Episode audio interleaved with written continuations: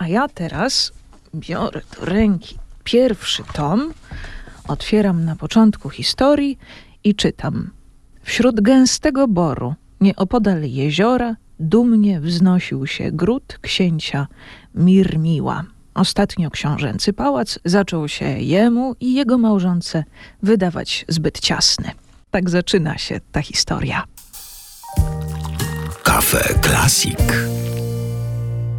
Kajko i Kokosz pojawili się na łamach trójmiejskiej popołudniówki Wieczór Wybrzeża w 1972 roku i stali się jednymi z najbardziej rozpoznawalnych bohaterów polskiej popkultury. Pojawił się właśnie pierwszy tom jubileuszowej złotej kolekcji wydawanej z okazji 50-lecia serii Janusza Christy. Zawiera wiele ciekawostek, szkiców, wspomnień, historię Złoty Puchar, która jak się zaczyna już wiemy, co jest najbardziej zaskakujące wśród materiałów archiwalnych które udało się tam zamieścić, mówi Tomasz Kołodziejczak z wydawnictwa Egmont Polska.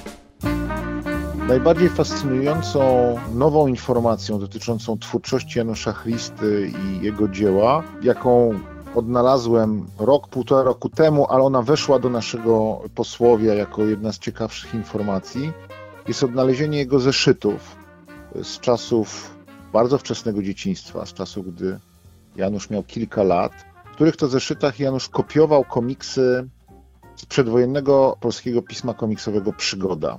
W Polsce panuje taki pogląd, że tradycja komiksowa została przerwana przez II wojnę światową i potem ten okres stalinowskiego komunizmu i po części to jest prawda. De facto z okresu przedwojennego do współczesnych czasów przetrwał tylko Koziołek Matołek, być może dzięki serialowi oraz jakieś komiksy, które ostatnio były wznawiane w bardzo małych nakładach w ramach ciekawostek historycznych. Tymczasem okazuje się, że ta ciągłość jest znacznie mocniejsza i to mnie fascynuje w procesie przenoszenia się kultury.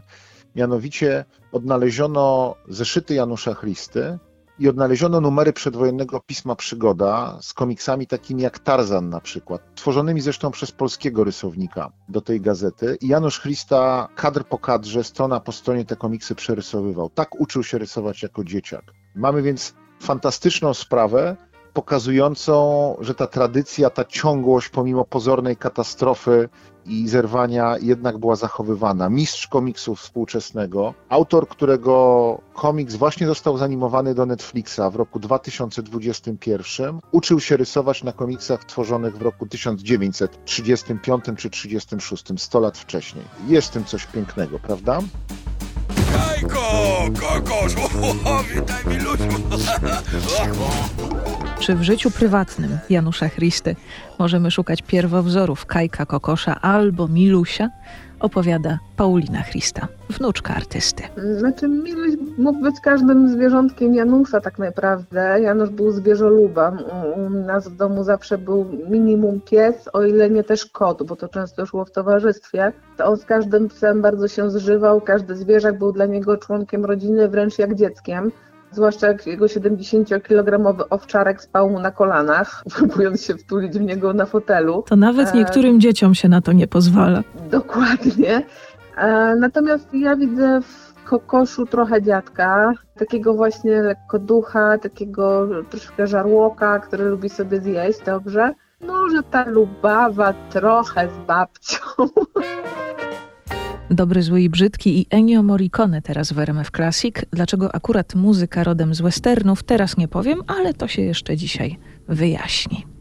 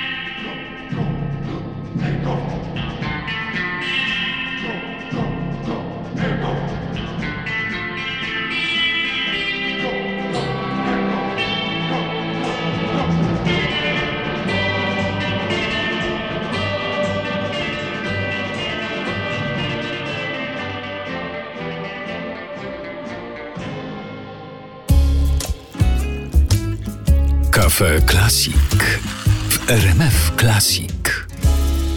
Wracamy do opowieści o Kajku i Kokoszu, chociaż teraz to przede wszystkim o ich twórcy, Januszu Christie. Jest kilka spraw fundamentalnych do poruszenia. Na przykład pan Janusz był bardzo ambitnym grzybiarzem. Dziadek był grzybiarzem zbierającym. On e, uważał, że po pierwsze grzyb to musi być grzyb, nie jakiś tam, e, że tak powiem, podgrzyb czy inny tego typu gatunek. Dla niego grzyby to były szlachetne grzyby, koźlaki, borowiki, prawdziwki.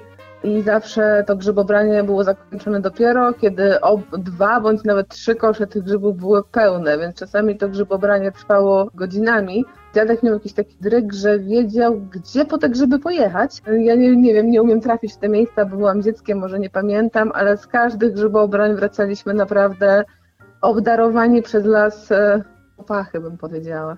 Tutaj oprócz zbierania grzybów, tak, co było myślę priorytetem, y, to też było, żeby czerpać z tego jakąś tam przygodę. Dla dziadka pogoda, niepogoda, jeżeli było zaplanowane grzybobranie, trzeba było jechać.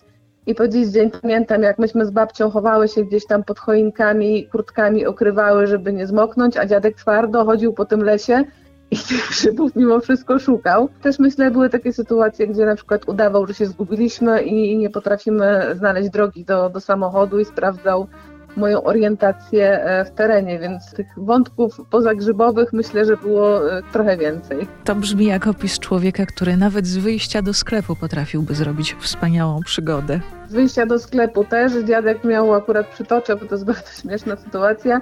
E, babcia próbowała dziadka zawzięcie wysyłać do sklepu. Dziadek bardzo, bardzo nie lubił do tego sklepu chodzić.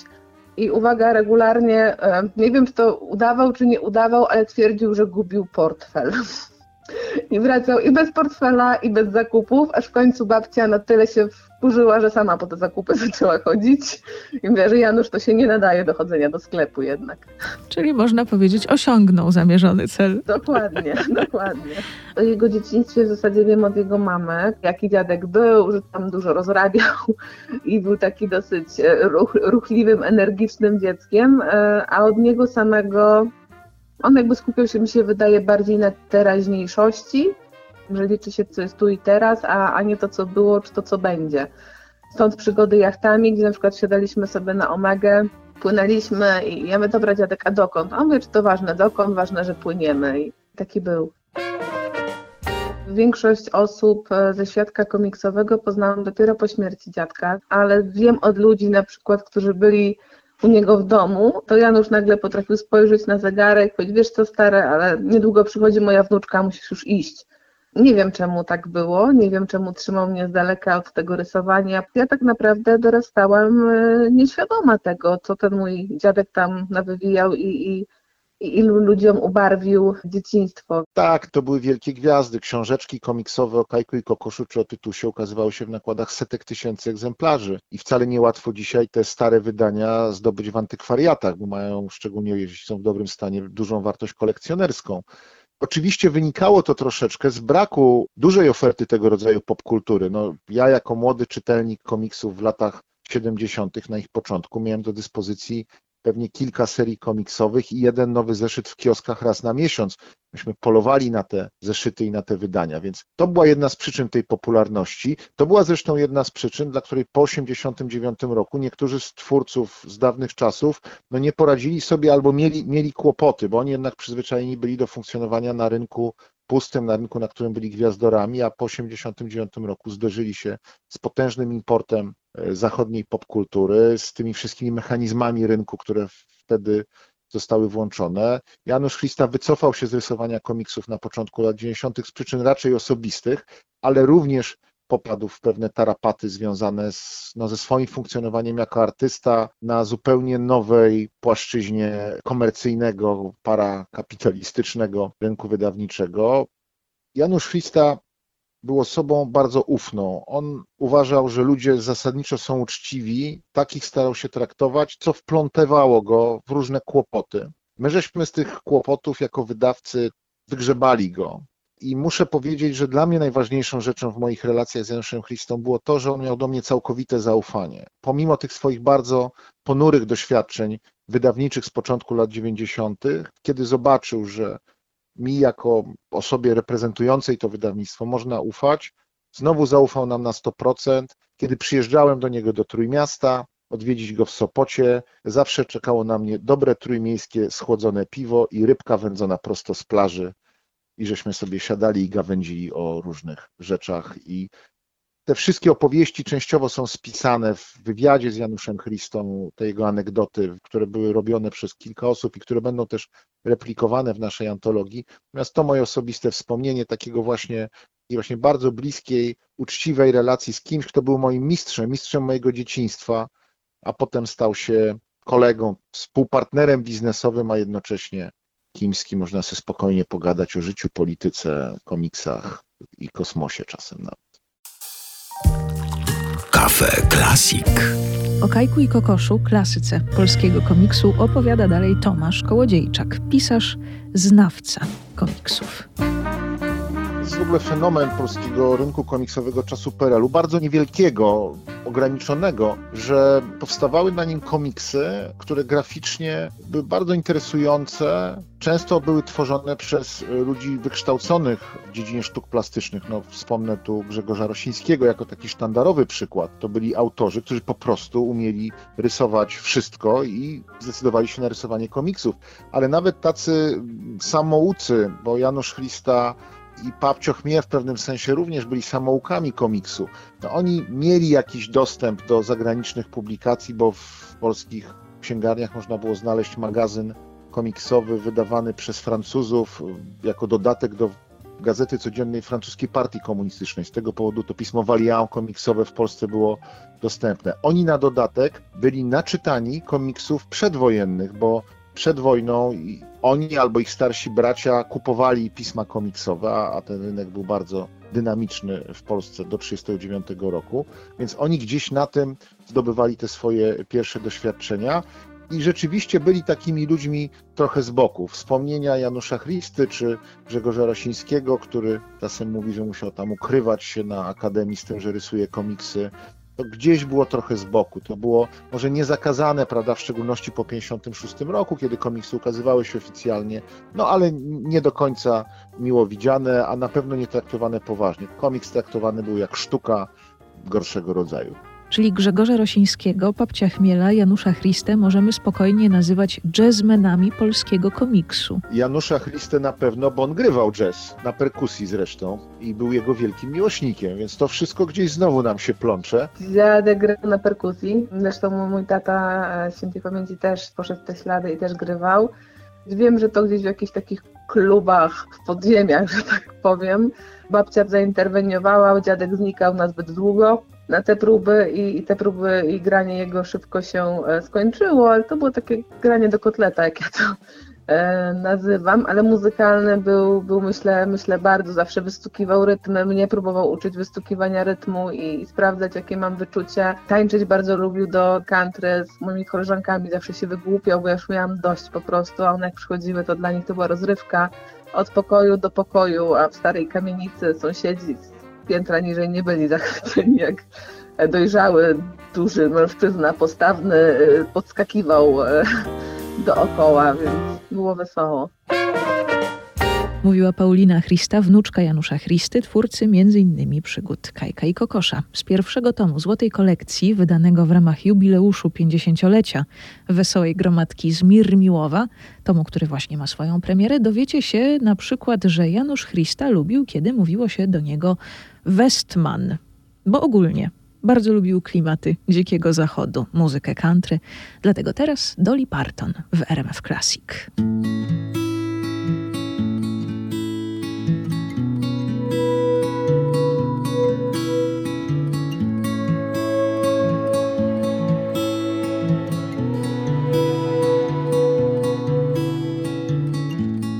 Popcorn soda box of raisinets velvet cushioned seats and soft armrests. Best seat in my favorite movie house. Start my dreaming as the lights go out. Up on the silver screen, I picture me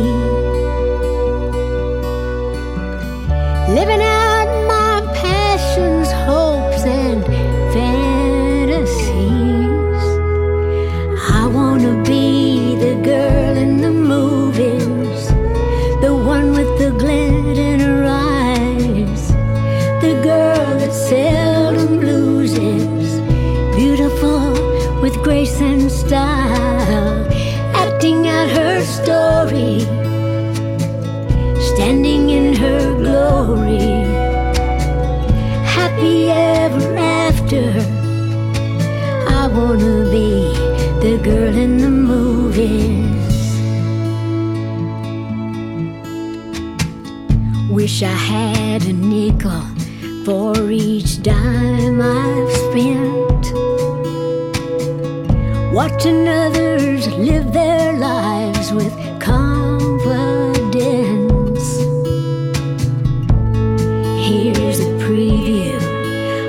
things to come. It's not too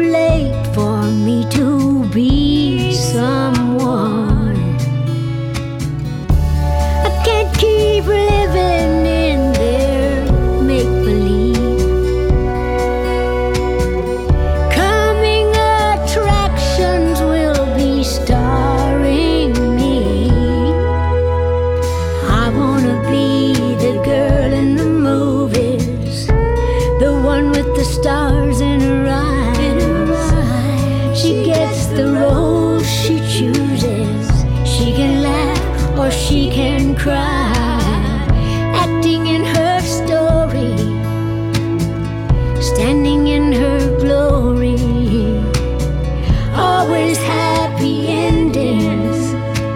I wanna be the girl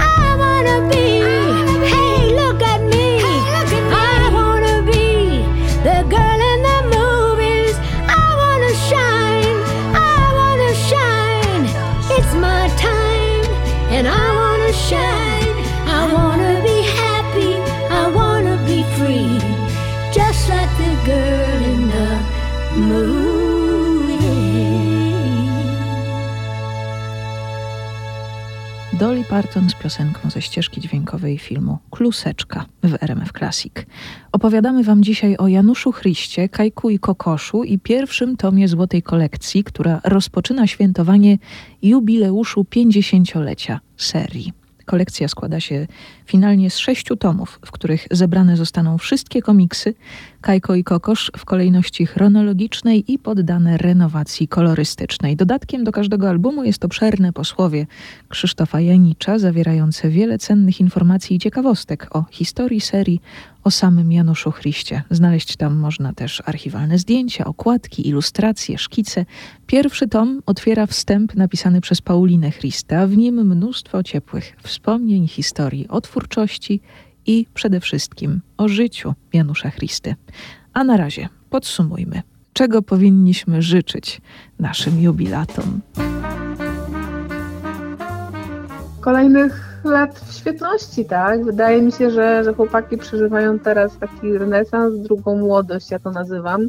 to jest ich czas, myślę, że, że fajny czas, który będziemy z pewnością wykorzystywać. No szkoda, że dziadek nie dożył tego momentu, bo był, myślę, że byłby bardzo zadowolony z tego, co, co się wokół, wokół marki Kajko Kosza dzieje. No ale no, chłopaki są super i, i ja się cieszę, że to wszystko tak idzie w tym dobrym kierunku.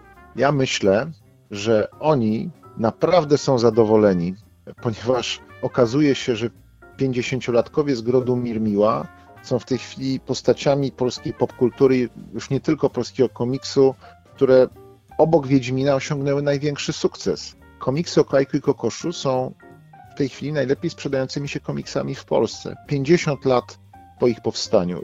Jako pan w średnim, starszym wieku bardzo sobie cenię tę opcję, że 50-latkowie dają radę. No i mam nadzieję, że ktoś kiedyś, bo już nie ja, e, będzie świętował ich, ich stulecie równie hucznie, jak my przymierzamy się do świętowania 50-lecia. Czyli możemy powiedzieć po prostu, oby tak dalej panowie. Tak jest i nie tylko do wiosny.